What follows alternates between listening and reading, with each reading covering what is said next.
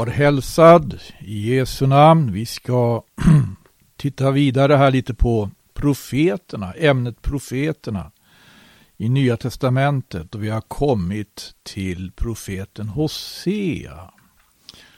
Eh, sista programmet jag gjorde, det var ett annat ämne. Jag talade över ämnet från Galileiska sjön till Galileo. Och jag sa att jag ska fortsätta med det. Det kommer ett program framöver och det kommer att vara rubricerat som Från Galileo till år 2033. Och jag tänker med ett tidsspann då på 400 år som ni förstår och vill göra vissa nedslag i det tidsspannet. Och då förstår ni att då behövs det hjälp i förbön. Jag hoppas få fram ett profetiskt eh, perspektiv. Må Gud hjälpa. Men nu ska vi titta på profeten Hosea och hur Hosea kommer till tals, kommer till uttryck i Nya Testamentet, för det gör han verkligen. Och man kan säga, fin han finns med i en verkligt, eh, verklig eh, programförklaring, alltså av Jesus Kristus själv, då Jesus själv eh, definierar sitt uppdrag. Det finns ju några tillfällen han gör och då är faktiskt inte sällan profeterna med. Och här finns profeten Hosea med i Matteus evangeliets nionde kapitel. Och Herren och hans lärjungar har börjat verka i full aktion. Och vi, vi har just uh, läst om hur han botar en laman. Skedde på ett underbart sätt. Men i nionde kapitlets nionde vers så står det så här. När Jesus därifrån gick vidare fram fick han se en man som hette Matteus sitta vid tullhuset. Och han sa till denne, följ mig.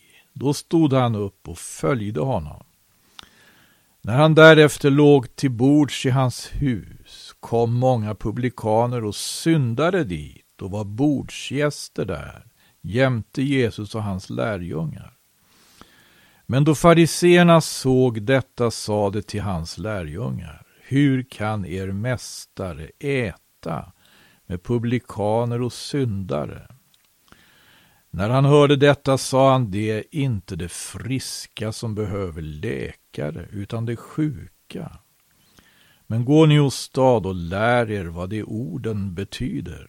Jag har behag till barmhärtighet och icke till offer. För jag har inte kommit för att kalla rättfärdiga, utan för att kalla syndare. Det här är Matteus version. Och vi kan också läsa Markus, eh, hur han återger samma händelse. Det står i Markus evangeliets andra kapitel. Markus evangeliets andra kapitel. Eh, från den fjortonde versen där. Så, så, så läser vi att när han nu gick där fram.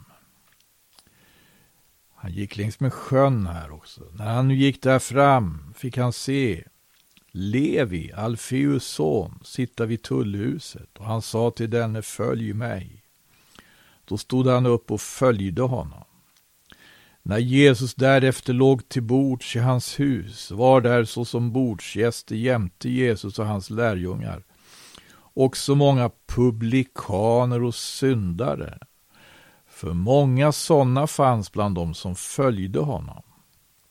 Men när det skriftlärde bland fariseerna såg att han åt med publikaner och syndare sade till hans lärjungar Hur kan han äta äta med publikaner och syndare. När Jesus hörde detta sa han till dem, det är inte det friska som behöver läkare utan det sjuka.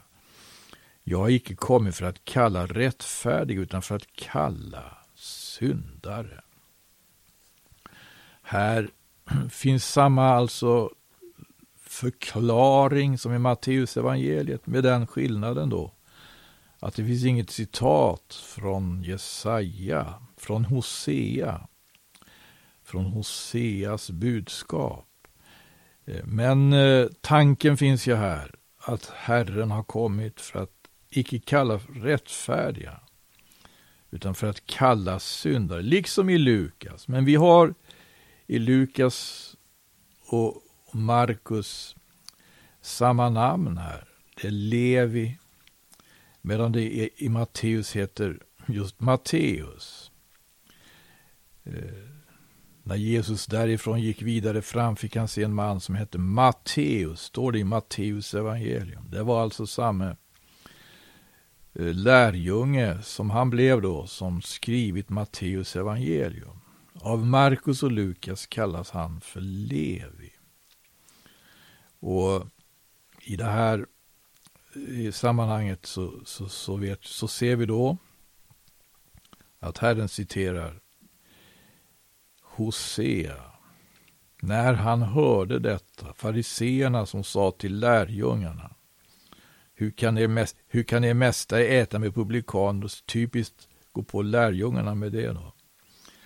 För att liksom ifrågasätta och kasta tvivel och eh, om möjligt svartmåla mästaren. Hur kan er mästare äta med publikaner och syndare? Jesus hörde det, det står han. Han sa, det är inte det friska som behöver läkare, utan det sjuka. Men gå ni åstad och lär er vad de orden betyder. Jag har behag till barmhärtighet och icke till offer. Nu ska vi gå till Hosea då. Där vi har just de här orden. I, i Hosea i Hoseas profetia, profetiska budskap i kapitel 6. Jag tror jag ska läsa hela sjätte kapitlet. Det står så här från början. Ja, i sin nöd ska de söka mig. Kom, låt oss vända om till Herren, för han har sargat oss, han ska också hela oss. Han har slagit oss, han skall också förbinda oss. Han skall om två dagar åter göra oss helbrägda. Ja, på tredje dagen ska han låta oss stå upp så att vi får leva inför honom. Så låt oss lära känna Herren. Ja, låt oss fara efter att lära känna honom. Hans uppgång är så viss som morgonrådnadens och han ska komma över oss lik ett regn, lik ett vårregn som vattnar jorden.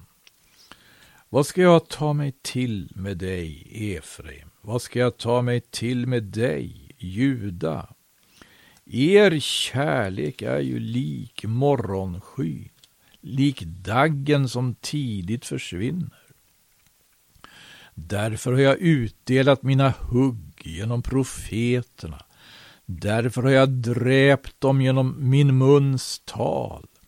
Så ska domen över dig stå fram i ljuset.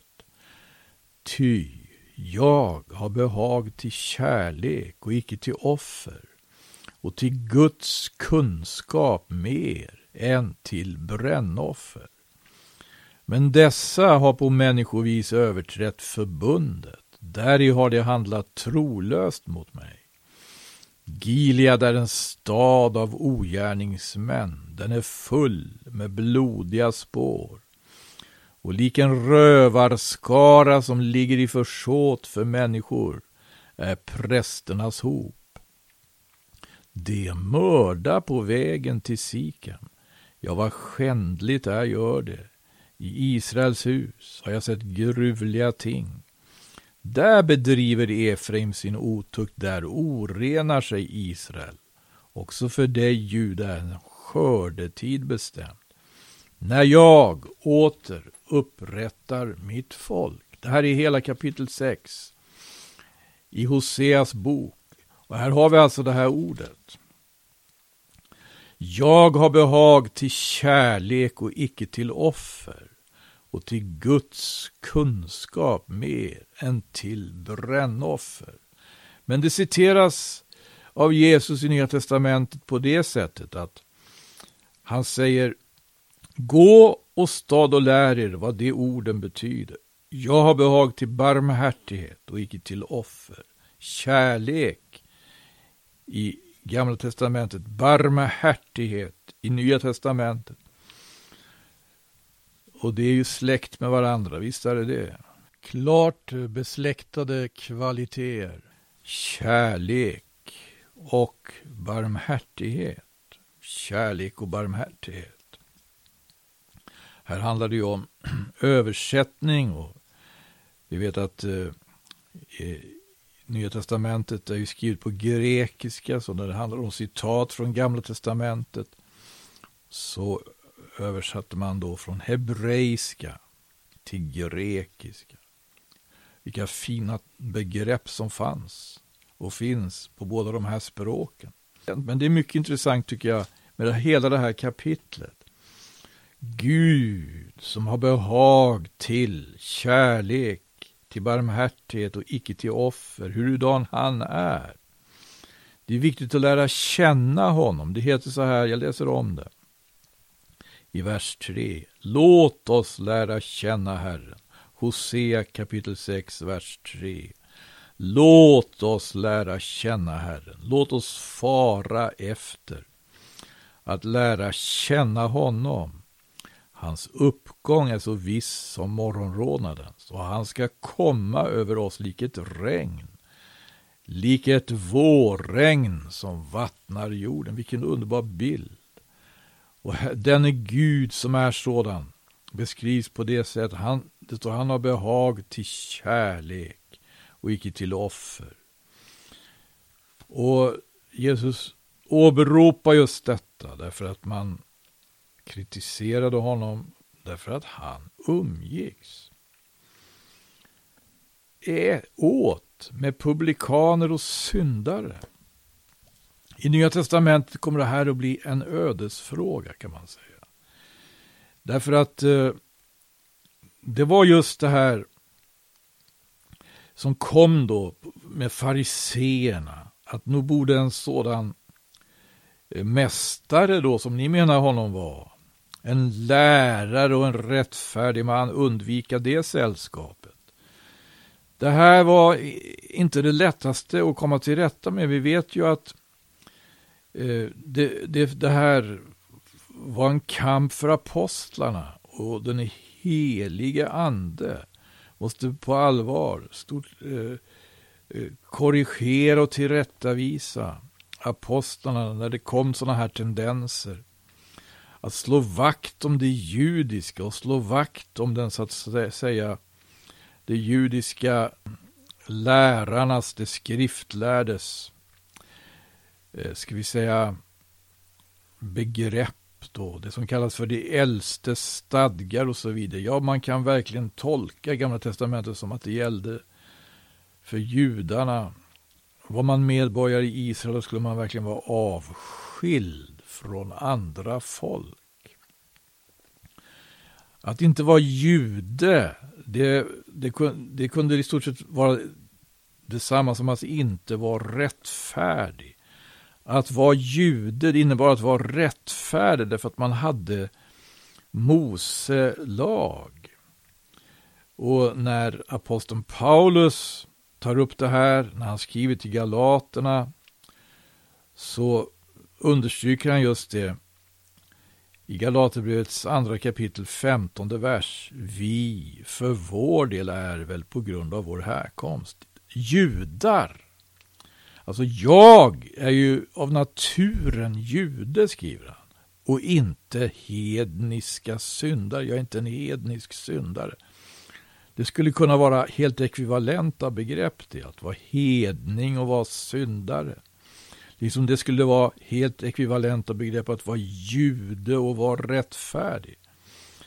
Men nu hade Jesus kommit och evangelium hade börjat predikas. Och i i till Galaterbrevet skriver ju aposteln Paulus och hur en annan apostel försynda sig mot den här regeln som Jesus själv alltså är, är det initiativtagare till, men det är han ju på Guds befallning. Ja, Hosea, det är han som har med det här. Gud har behag till kärlek. Gud har behag till barmhärtighet och inte till offer. Finns inte det här hos de andra profeterna? Visst finns det det. Det finns eh, helt eh, klara parallellställen. Vi kan gå till till exempelvis Hesekiel och läsa i Hesekiels 18 kapitel. Hela det 18 kapitlet handlar om att var och en får svara för sig. En far ska inte svara för sin son och en son ska inte svara för sin far. Utan den som gör vad ont är, säger Herren. Han är själv ansvarig för det. Och då står det så här då. I Hesekiel 18 och 23 versen. Menar du att jag har lust till den ogudaktiges död, säger Herren, Herren, och inte fast med därtill att han vänder om från sin väg och får leva. Och det är intressant alltså därför att det att Jesus umgicks med publikaner och syndare eh, det var ju inte utan alltså som sagt att han kallade dem. Och han hade inte kommit, sa han, för att kalla rättfärdiga, utan för att kalla syndare. Men verkligen också för att kalla dem ut ur synden och ut ur det sammanhanget där synden rådde. Och när det gäller Lukas version av den här händelsen, vi ska läsa den också, så ser vi då att Lukas får med just det här lite kanske mer med eftertryck. Det står i Lukas evangeliets femte kapitel, vers 27. Sedan begav han sig därifrån och han fick se en publikan vid namn Levia, Levi, sitta vid tullhuset. Och han sa till denne, följ mig. Då lämnade han allt och stod upp och följde honom.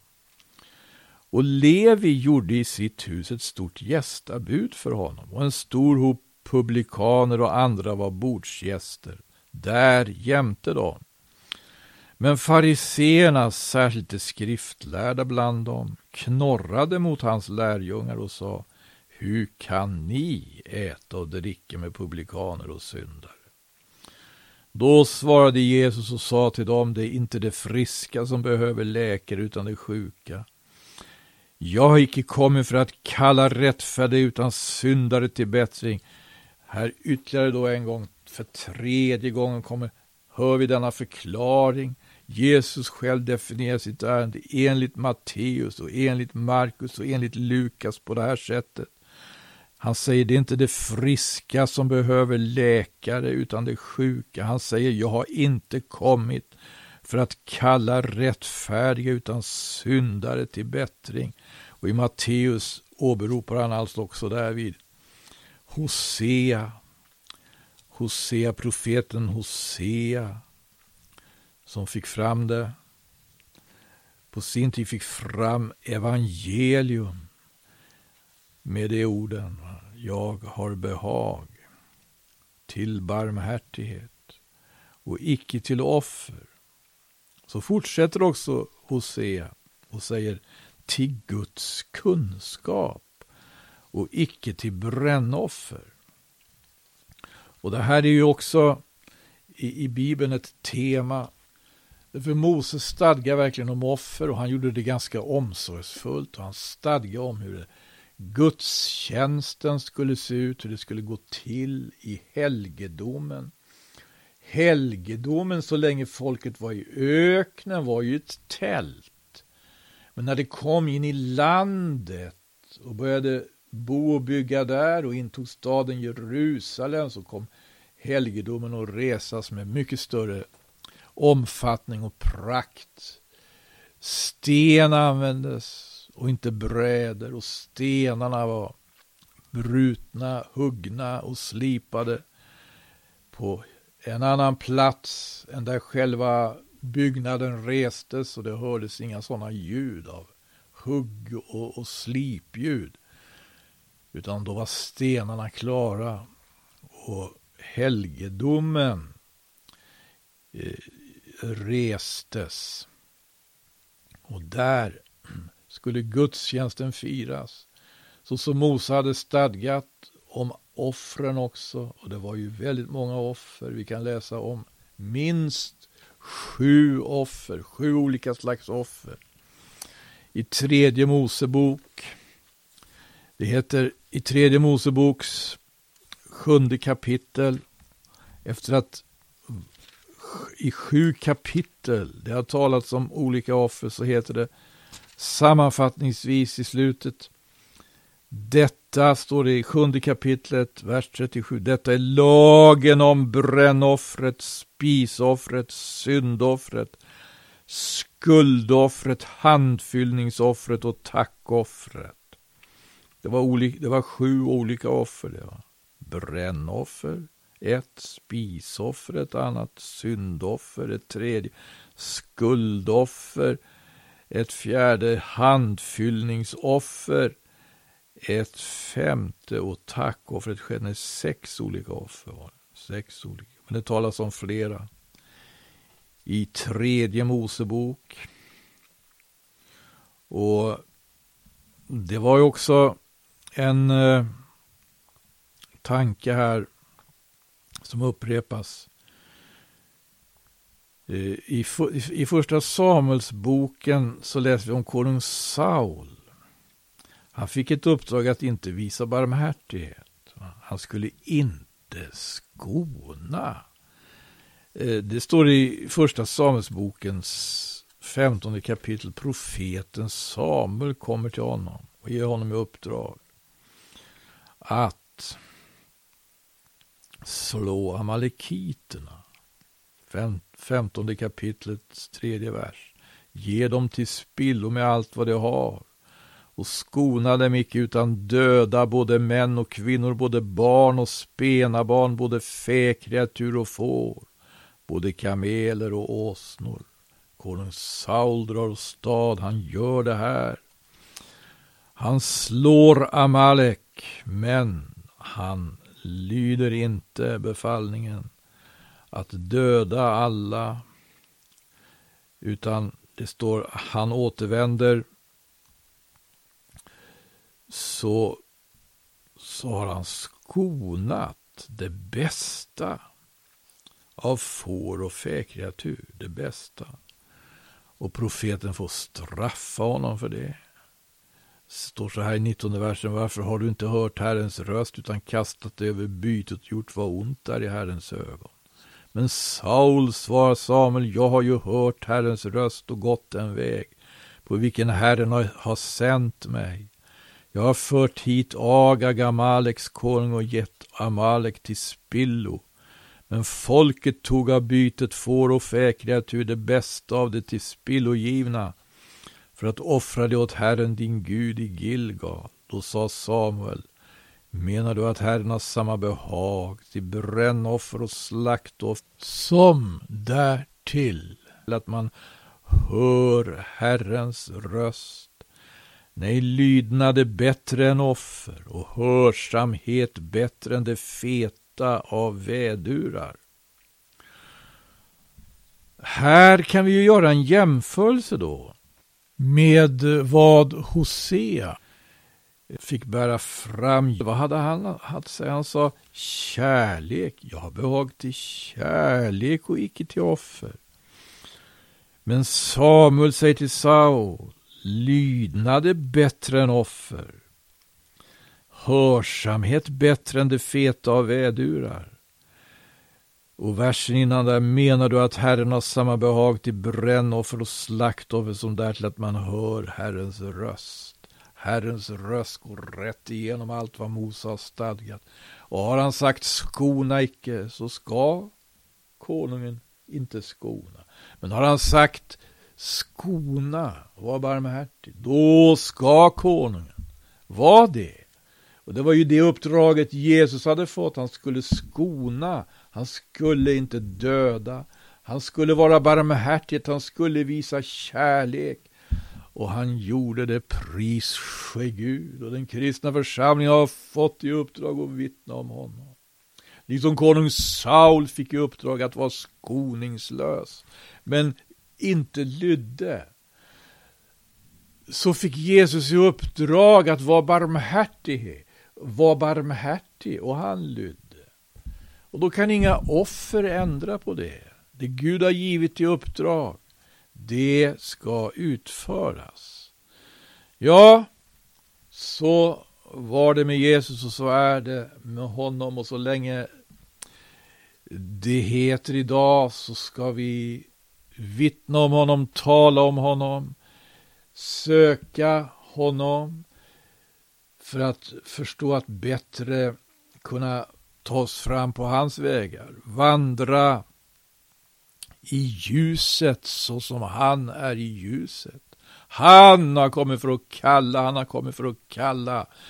Han har kommit för att kalla syndare till bättring. Han har kommit för att kalla. Han har icke kommit för att kalla rättfärdig. Han har kommit för att kalla dig och mig. Han har kommit för att kalla syndare till bättring. Vi tackar och vi prisar honom för det. Och vi ber om nåd och hjälp och kraft att vara honom lydiga. Gud välsigne var och en. Amen.